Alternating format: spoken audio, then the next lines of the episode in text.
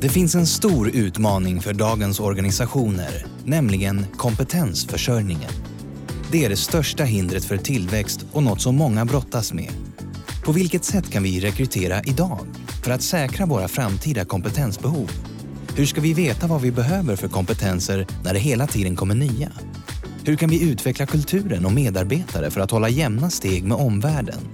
Hur ska vi attrahera talanger när det inte längre räcker med generös kompensation? Och hur vill vi jobba i framtiden?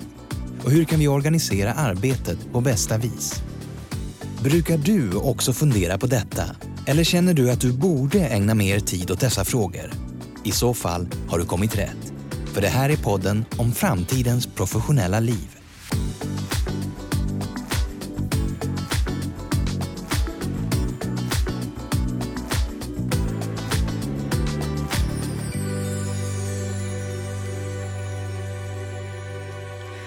Under åren 2020 och 2021 tvingades många organisationer genomföra omfattande förändringar för att anpassa verksamheten, arbetssätt och erbjudanden till den nya tillvaron som blev verklig i och med covid-19. I vår enkätundersökning Nordic Executive Survey 2021, att leda i och ur en kris, svarar nästan alla nordiska ledare att de behövt genomföra olika typer av förändringar för att kunna fortsätta bedriva sin verksamhet. Nu, hösten 2021, befinner vi oss i ett nytt läge där många av oss yrkesverksamma i Norden hunnit få två vaccinationsdoser. Men anpassningarna och förändringarna är inte ett avslutat kapitel. Många organisationer står nu inför nya vägval. Vill vi eller kan vi vrida tillbaka klockan och återgå till det arbetssätt, ledarskap och de arbetsplatser som de såg ut innan pandemin? Eller kanske snarare, hur vill vi utforma vårt arbetsliv utifrån det läge vi nu har? Vad av det vi lärt oss vill vi ta med oss in i framtiden och vilka delar saknar vi kanske till och med från pre-coronatiden? För att reda lite i det här har vi på Hammer Hanborg tagit fram två listor med pandemins plus och minus för ledarskapet. Eller hur, Kristina Hammer? Ja, vi börjar väl ändå med det som har gynnat ledarskapet. Ja, vi hugger rakt in. Kör! Ja. Och något som gynnat ledarskapet är lite paradoxalt att distansarbete har gett närhet. Mm. Många ledare upplever att effekten av coronapandemin har inneburit att de blivit mer tillgängliga för sina medarbetare. Och några återkommande kommentarer att de, att de är mer tillgängliga för att de har mer tid då de inte reser Eh, de har fler eh, dagliga möten, både på individ och teamnivå och även utanför teamet faktiskt. De är nästan alltid tillgängliga vid datorn och de ser en ökad demokratisering då de är lika tillgängliga för alla medarbetare oavsett geografisk position. Men det finns en stor skillnad mellan tillgängliga och mindre tillgängliga ledare. Och just tillgänglighet har visat sig vara den mest avgörande framgångsfaktorn. En bra sak som ledarna framhåller är att färre resor har gett ett mer resurseffektivt arbete. Många ledare har slagits av hur mycket tid arbetsresor har tagit för dem och även deras team om de har varit utspridda. Man upplever att man innan pandemin har rest för att det har funnits en massa etablerade sanningar om att man har behövt ses för att kunna åstadkomma vissa typer av arbeten. Och andra har rest mest på grund av plikt, förväntningar eller tradition. Men det har också kunnat handla om saker som mer sådana fina värden som att synliggöra medarbetare eller visa kunder uppskattning. Men efter ett och ett halvt år av mer eller mindre resstopp så inser nu många att det kommer bli svårt att motivera att man ska hålla på med det här resandet. Det tar för stora resurser i anspråk. Det tar tid, det kostar massa pengar och energi för de här resande personerna. Och miljön ska vi bara inte prata om. Det går liksom inte ihop med många organisationers CSR-arbete. Så det ska bli spännande att följa resandets utveckling över tid framöver här nu. Och särskilt nu när de digitala mötena många gånger har visat sig fungera precis lika bra. Då går vi vidare till kris och utveckling, som egentligen då är två sidor av samma mynt. Coronapandemin kan definitivt klassas som en kris, men som i alla kriser följer även här stor utveckling. Det har gett utveckling både på ett personligt och organisatoriskt plan. I början av pandemin använde sig många av korttidspermittering och i samband med det så hade man ju möjlighet då att satsa på kompetensutveckling av medarbetarna. Och många ledare tycker faktiskt ha uppskattat den abrupta omställningens förmåga att skaka om organisationen, till exempel på sätt som man har tvingat fram nya arbetssätt och man har höjt kompetensen inom det digitala. Det intressanta är att många organisationer kunnat genomföra förändringar som annars hade varit svåra att få igenom. Man har passat på helt enkelt. Vi ser också i undersökningen att den här pandemin fungerat som ett yttre hot som gjort att teamen vuxit sig starkare. Ökad tillit och teamkänsla är frekvent återkommande positiva aspekter som lyfts av de här ledarna i undersökningen. Så trots den fysiska distansen, som ju för många av oss varit väldigt påtaglig, så har pandemin fört oss närmare varandra i en annan mening. Flera ledare berättar även om att det finns en förståelse från medarbetarna att ledningen gör sitt bästa och vill organisationen och teamens bästa. Och att man liksom agerar utan dold agenda. Alla hugger i där det behövs. Så krisen har fungerat som en enande kraft. En annan sak som har varit positiv för ledarna är att distansen har gett mer självständiga medarbetare. Ledarna upplever att den fysiska distansen till medarbetarna inneburit att medarbetarna blivit mer självständiga och det har ökat förmågan att leda sig själva. Kanske inte så konstigt eftersom det har varit det enda sättet eftersom vi har suttit hemma på våra hemmakontor. Distansarbetet har reducerat de slentrianmässiga frågorna som tidigare flög genom kontorslandskapet. Hemmakontoret har också gett ledarna mer arbetsro och tid för fokuserat arbete.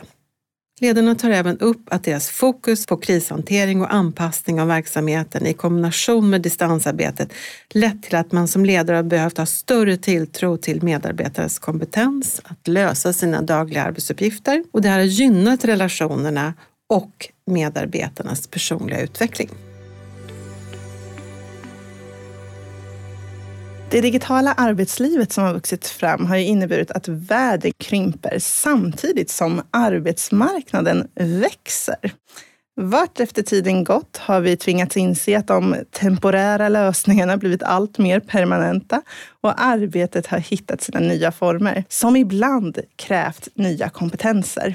Något som ledare efterhand blev varse under 2021, det var att med det digitala arbetslivet växte urvalspoolen av potentiella nya medarbetare betydligt. Äntligen blev geografisk plats underordnad rätt kompetens och potential att lyckas i rollen. Och fler har kunnat rekrytera eftertraktade bristkompetenser under den här perioden. Inte illa. En annan positiv sak när det gäller ledarskapet är att distansarbetet har ökat transparensen. Hur har coronapandemin egentligen påverkat transparensen i organisationerna? Jo, trots att vi fysiskt kommit längre ifrån varandra och missar många möjligheter till småprat vid kaffemaskinen så uppfattar endast 29 procent av ledarna att transparensen blivit lägre. Kan det vara så att de mer formella kommunikationsvägarna på hemmakontoret har bidragit till den ökade transparensen? I undersökningen frågade vi också ledarna om de upplevde att pandemin påverkat tryggheten och tilliten i organisationerna. Och många av dem menade faktiskt att den hade ökat under pandemin, nästan 40 procent. Och för att kunna förstå hur en kris ger ökad trygghet och tillit har vi grävt i datan för att se vilka faktorer som gav högst utslag. Och det visar sig att både måluppföljning och transparens har positiva samband med känslan av trygghet och tillit. Så ledare som menar att det blivit lättare att avgöra om medarbetare når sina mål upplevde att tilliten ökat i högre utsträckning. Där var det hela 64 procent av ledarna och som sagt så kan vi även se att transparens har en positiv effekt på trygghet och tillit. 55 procent av ledarna som anser att transparensen ökat anser även att tryggheten och tilliten har ökat. Så om vi går över och kikar lite mer på det som varit mer utmanande för ledarna, minus för ledarskapet under pandemin. En utmaning för ledarna har varit att det har varit svårt att avgöra om medarbetarna har nått sina mål. Och här blir tillgängligheten helt avgörande igen. De mindre tillgängliga ledarna har haft det svårare att avgöra om deras medarbetare presterat i relation till målen. Att veta hur medarbetare och teamet taktar mot de uppsatta målen kan tyckas vara en hygienfaktor för alla ledare. Det är avgörande för vilka prioriteringar, utvecklingsinsatser och åtgärder som sätts in. Utan klarhet i hur teamet taktar mot målen agerar ledaren i blindo. I undersökningen framkommer att ledarnas möjlighet till måluppföljning korrelerar med hur väl ledarna anser att de klarat pandemin. De som anser att de klarat anpassningen sämre än sina konkurrenter har haft svårare att avgöra om medarbetarna har nått sina mål. Många upplever även att det har varit tufft att engagera medarbetare i innovations och utvecklingsarbetet. Det känns inte helt bra med tanke på hur lång den här perioden verkligen har varit och hur mycket som faktiskt har kastats om under den här tiden. Vissa menar att det är svårare att vara kreativ på distans. Och det är det väldigt speciellt om man försöker att jobba på de gamla sätten med gamla metoder. Den här perioden har ställt höga krav på både ledare och medarbetare att anpassa sina former och arbetssätt. Annars är ju risken stor att man dragit på sig en innovationsskuld här. Att man helt enkelt tappat mark och ligger efter konkurrenter som använt krisen för att anpassa verksamheten till framtiden.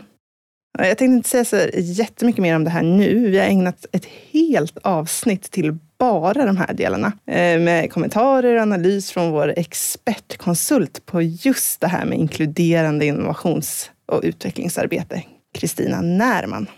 Så lyssna på det om ni är intresserade av just de här bitarna. En annan utmaning för ledarna har varit att veta hur medarbetarna egentligen mår. Och det kan man ju tänka sig när man sitter bakom en skärm att det kan vara svårt att avgöra. Hur har de haft det på sina hemmakontor egentligen? Inte nog med att vi har befunnit oss långt ifrån varandra, så har även den här perioden präglats av budskap om att hålla avstånd och undvika människor. Och människor har setts som potentiella smittbärare. Det är faktiskt hela 75 procent av ledarna som tycker att det har varit svårare att avgöra hur medarbetarna mår nu än innan krisen. I undersökningen ser vi att många ledare anser att de själva och organisationen klarat krisen väldigt bra. Men pandemin har även inneburit ökad stress för många ledare. 56 procent av ledarna anser att eh, sin stressnivå ökat på grund av de effekter som eh, coronapandemin har haft på deras arbete. Och vi kan se att det är många olika delar i det här. Stressen kommer dels av en ökad arbetstid. Många vittnar om att de jobbar längre dagar nu än tidigare. Att det är svårt att få till ett naturligt stopp på arbetsdagen. Det blir inget avslut. Men det handlar också om att arbetsbelastningen i sig har ökat. Och det är som en konsekvens av att många tvingats göra neddragningar under den här perioden. En annan del är den ökade tillgängligheten som framhålls också som en stressfaktor. Att man är tillgänglig vid sin skärm precis hela tiden och att det plingar och, och att det finns förväntningar om en hög tillgänglighet också. Och dessutom så har oro för egen och medarbetares hälsa varit ett stressande orosmoln under den här tiden. Sådär, där har vi pandemins plus och minus för ledarskapet. Mm. Och med utgångspunkt då i Nordic Executive Survey 2021 att leda i och ur en kris som 350 nordiska ledare har svarat på. Och är du mer intresserad av de här resultaten och vill veta mer vad som döljer sig bakom de här påståendena som vi har slängt ur oss här i de här listorna så finns all data och statistik att läsa på eh, vår webb i vår bok om framtidens professionella liv 6.0. Det var allt för oss idag. Vi hörs. Vi hörs. Hej. Om du vill veta mer om hur vi kommer lösa utmaningarna med kompetensförsörjning, se till att följa hashtag framtidens professionella liv och att Hammer och Hamborg i sociala medier. På hammerhamborg.se hittar du den senaste versionen av vår bok Framtidens professionella liv 6.0 med resultaten från vår senaste undersökning Nordic Executive Survey 2021 Att leda i och ur en kris. Boken bygger på tio perspektiv på hur man får till en hållbar kompetensförsörjning och är fylld med kommentarer från forskare, experter och företagsledare. Du kan kostnadsfritt ta del av den via vår hemsida.